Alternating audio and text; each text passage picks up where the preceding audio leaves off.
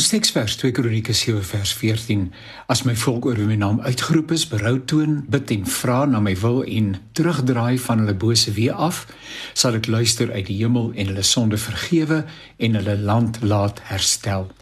Met verwysing na die geleesde gedeelte, dink ek aan vele geleenthede wat in die Bybel aangeteken is waar die Godsvolk die pad ver byster geraak het. Trouwens, dit is die groot narratief van die Ou Testament vernaam. Mense vergeet so gou Ons vergeet waar God ons kom haal het en wat dit hom gekos het, maar hy gaan ons nie laat vergeet nie. Al moet omstandighede ons daartoe dwing en bring om voorraadopname te doen, sal hy daarvoor sorg. Hosea sê die rede is dat God se liefde vir ons net te groot is dat hy ons aan ons eie lot sou oorlaat. Oom Angus Bucken, bekende prediker, tree eerdags by gebedssaamtrekking Kreersdorp op.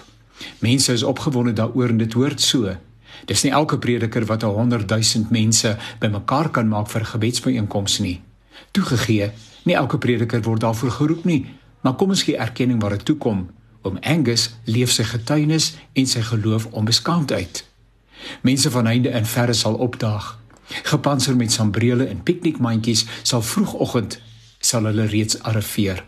Luidsprekers sal die boodskap van God se verlossing in Christus Jesus uitbasuin.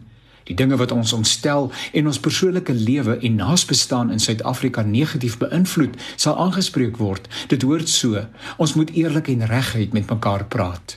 Die teks sê God se volk moet hulle bekeer van hulle verkeerde weë. Ons bely met groot vanvare dat Suid-Afrika 'n Christelike land is. As dit waar is, het iets verkeerd geloop. Vandag sterf nagenoeg 71 mense gewelddadig. Tientalle vroue word verkragt en selfs gedood. Kinders word misbruik om maar 'n paar sake te noem. Tekens van die tye, die laaste dae. Moet ons maar so voortleef of is daar die moontlikheid van herstel? Die teks sê as God se kinders bekeer. Wat het die teks vir jou te sê?